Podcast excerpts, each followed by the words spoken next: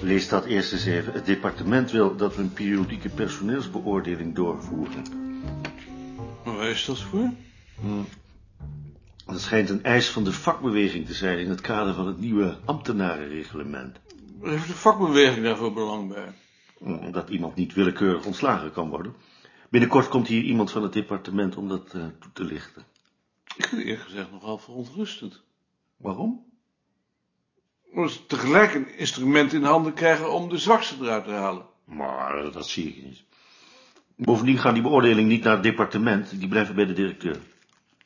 En dan zeggen ze straks tegen de directeur dat hij tien mensen moet ontslaan.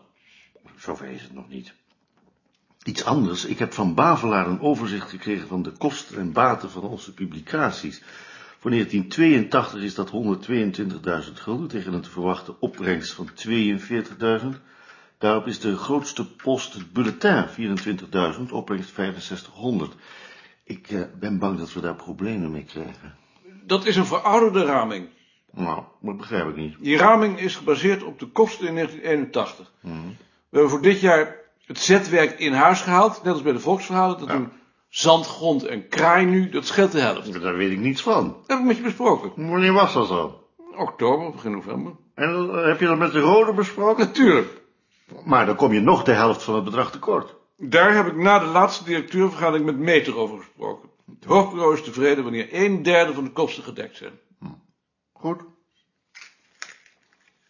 Ehm, ik heb ook nog iets. Frits Bloemberg heeft mij gevraagd hoe groot de kans is dat hij hier kan blijven. Anders wil je gaan solliciteren. Klein. Ik zou het verdomd jammer vinden in de eerste plaats omdat hij heel goed is. Maar bovendien omdat hij als geen ander de weg in de archieven weet. En eh, ik ben geen historicus. Terwijl we steeds meer die kant op gaan. We zitten nog altijd met dat structurele tekort van 62.000 gulden.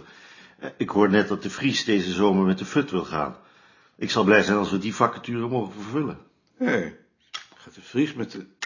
Fut? Nou, het schijnt iets met de ziekte van zijn vrouw te maken te hebben. Hmm. Ja, die heeft astma. Maar waarom zou die vacature eigenlijk vervullen? Nou, We moeten toch een telefonist hebben? Kan Wichbold toch wel doen? Het enige wat Wichbold nog doet is koffie en thee schenken. De rest van de dag zit hij romannetjes te lezen. Ik denk ook al naast het telefoontoestel gaan zitten. Dat betekent wel dat hij voortdurend eh, om moet lopen. Nou, laat je een doorbraak maken van de loge naar de keuken. Ik betwijfel of dat kan. Tuurlijk kan dat. De Bruin deed dat ook. Maar Deze man is altijd ziek. Dat probleem heb je toch. Ik zal er eens over denken, maar voor het probleem Bloembergen maakt dat geen verschil. Waar wordt hij nou ook weer uit betaald? Uit het eh, zieke geld van Asjes. Hmm, Hoe staat het daar eigenlijk mee? Moeten we voor die man niet eens een herkeuring aanvragen? Dat doe ik niet. Daar voel ik niets voor. Dat moet hij zelf maar doen als hij dat wil. En je weet ook niet wat de prognose is? Ik heb niet de indruk dat er verandering in zit. Maar daar gaat het juist om. Hij mag nu van de RGD twee uur per dag werken. Als ik Bloemberg de toezegging mag doen dat hij op die resterende zes uur kan blijven zitten... en dat de plaats voor hem is als Asjes ooit afgekeurd wordt... dan is dat voor hem waarschijnlijk genoeg. Vraag eerst eens wat de prognose is. Als ik niet weet wat de prognose is, hoef ik aan zo'n gesprek niet eens te beginnen. Goed, ik zal zien. Mag ik die, eh, die circulaire houden? Hmm, Ik heb vijf exemplaren. Het is niet geheim. Ik zal er in de instituutsraad mededeling van doen. Goed. Die meerjarenramingen, we hebben het gisteren over gehad. Wa- wa- Wanneer moet je die hebben? Maar dat heeft geen haast. Denk er alleen om dat we geen prijscompensatie meer krijgen, zodat je moet bezuinigen op je activiteiten.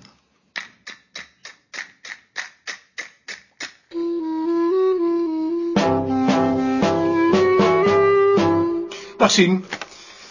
Het lijkt mij goed dat jij die het eerst leest.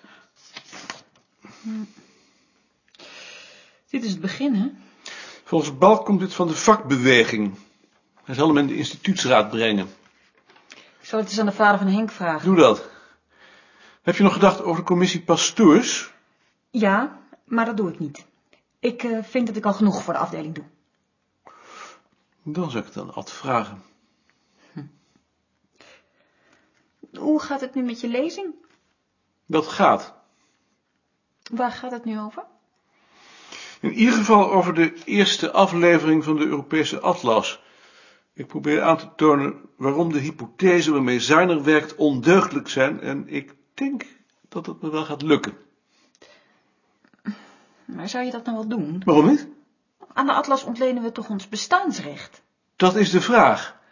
En als het de vraag is, kun je het antwoord beter zelf geven dan dat je dat door een ander laat doen. Maar ik ben er nog niet uit. Ik ben nu bezig met 17e, 18e eeuwse keurboeken door te zien. Dus, ehm, nou, jij vraagt het aan de vader van Henk? Linksom.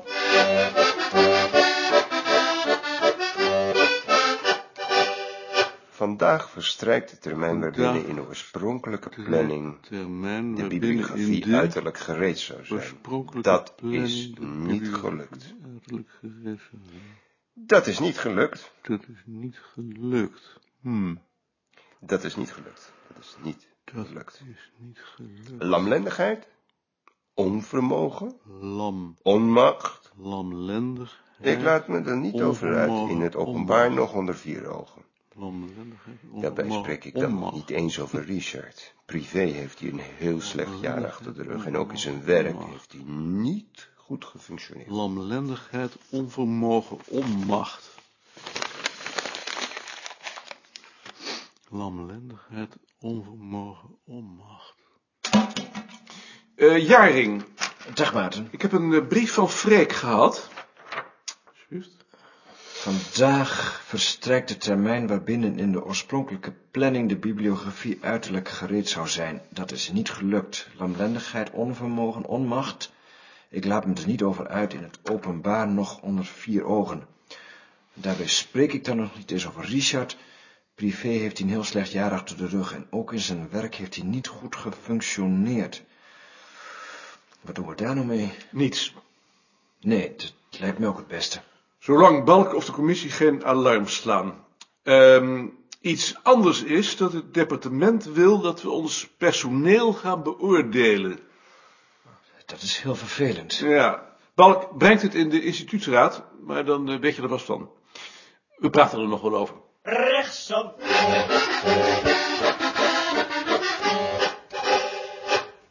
Dag Bart, Dag Maarten.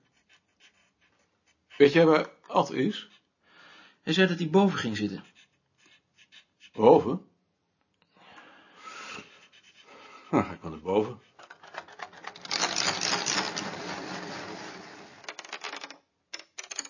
Jij zit hier. Dag Rie. Nou, Ad, Sien wil niet in de commissie pastoors. Zal ik daar wel in gaan zitten? Hm, graag. Wat willen ze nou eigenlijk echt? Ik denk dat Volkstaal deze etage wil hebben en dat de commissie is ingesteld om de weg te bereiden. Dus dan zijn wij deze kamertjes kwijt. En het kamertje waar Carla Tulp nu zit. Ja, Ad, heb je wel eens gehoord van het tijdschrift Noordnuut? Ze vragen me om een artikel over de geschiedenis van ons vak. Jij hebt toen een geschiedenis van het volksverhaalonderzoek geschreven. maar dit zou ik niet kunnen. Wie kan dat wel? Vraag het aan buitenrust Hettema. Ja, dan wordt het een autobiografie. De pest is alleen dat ik langzamerhand omkom in het werk. Dat doe je het niet. Je kunt niet overal nee op zeggen, maar ik zal er eens over denken. Bart, hoe gaat het eigenlijk met je oog? Goed. Dank je. Maar heb je ook de indruk dat er enige vooruitgang is? Nee, dat heb ik niet. Wat is de, de prognose nou eigenlijk? Waarom vraag je dat? Het interesseert me. Vind je soms dat ik mij moet laten afkeuren? Nee. Dat weet je ook wel. Ik heb toch het gevoel dat er iets achter zit. Nee, er zit niets achter. Toch heb ik dat gevoel. Joop, heb je nog een kop thee voor me? Altijd. En anders maakt Lien het wel. Is je lezing af? Ja. En? Vernietigend, zeker? En Dank je. Een kop thee. Behoorlijk. Wat is nou de denkfout? Dan gaan we weer hoor. als jij nou eens je mond hield, Frits. Eh, er zijn een aantal denkfouten. Aantal. Maar de belangrijkste is dat in ieder geval in Noordwest-Europa in elke plaats maar één jaarvuur zou zijn geweest. Omdat dat nu zo is. Meestal, tenminste. En het is verdomd moeilijk om je daarvan los te maken. Maar als je de keurboeken doorneemt, dan zie je dat er tot in de 18e eeuw in elke plaats een heleboel vuren waren. Heel ja, door. Maar is dat niet ontzettend stom? Ja, dat zou ik Ah, ook zeggen. Stom, je kan van Zuiner eigenlijk niet zeggen dat hij stom is. hij, hij is erin getrapt, omdat het kaartbeeld zo suggestief is. Ja, zeg maar wat. Ik zal die kaart er eens bijhalen. Eh, waar leggen we hem? Op de tafel. maar- Wel ja, en mijn tafel ook nog maar even ontruimen. Kijk, hier. Het grootste deel van Duitsland en in het oosten van ons land heb je een groot, compact gebied waar in deze eeuw alleen een paasvuur was. En langs de randen, bij ons en in Sleeswijk-Holstein, vind je verspreid wat resten van een meivuur. Kijk, daar. Voor Zuiner ligt de conclusie voor de hand. Het paasvuur heeft het meivuur verdrongen en omdat we daarvoor geen schriftelijke bewijzen hebben, neemt hij aan dat dat voor de schriftelijke overlevering is gebeurd en dat het paasvuur een gekerstende vorm van het heidense meivuur is. Nou, dat vind ik toch wel stom hoor. Maar hoe, hoe beleg je dat nou? Want die resten van het meivuur kunnen natuurlijk net zo goed rudimenten zijn. Ja, ja dat, dat, dat wilde ik ook zeggen, ja. Dat kan ik ook niet weerleggen, maar het is wel opvallend dat je ze tot in de 18e eeuw naast elkaar aantreft en dat de autoriteiten zich tegen beide keren, omdat er bij allebei ongeregeldheden plaats hebben. Hmm. En niet omdat het meivuur heidens is. Ik suggereer dus dat er een selectieproces heeft plaatsgehad, een uniformering, wat typerend is voor de 19e eeuw, en dat het paasvuur daarbij geprofiteerd heeft van het paasfeest. Dat is goed zeg. En de moraal is dan natuurlijk weer dat je zo'n kaart als een momentopname moet beschouwen. En dat je daarnaast historisch onderzoek moet doen. En nou hebben we wel weer genoeg geluld.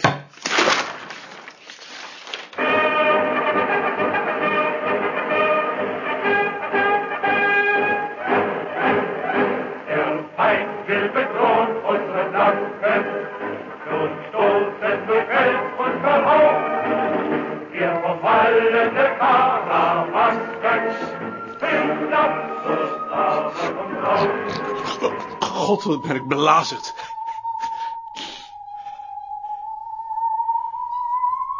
Morgen. Theodor Kaffee, Thee bitte. Und ein Ei bitte. gekocht oder gebakken? Gekocht. Goed weer geslapen, Maarten. Zwaar. En jij? Goed. Ik slaap altijd goed, zoals ge weet. Worüber sprechen Sie heute, Herr Koning? Über volkskundliche Karten und das Rekonstruieren kultureller Prozesse. En Theo en hij. Dank u.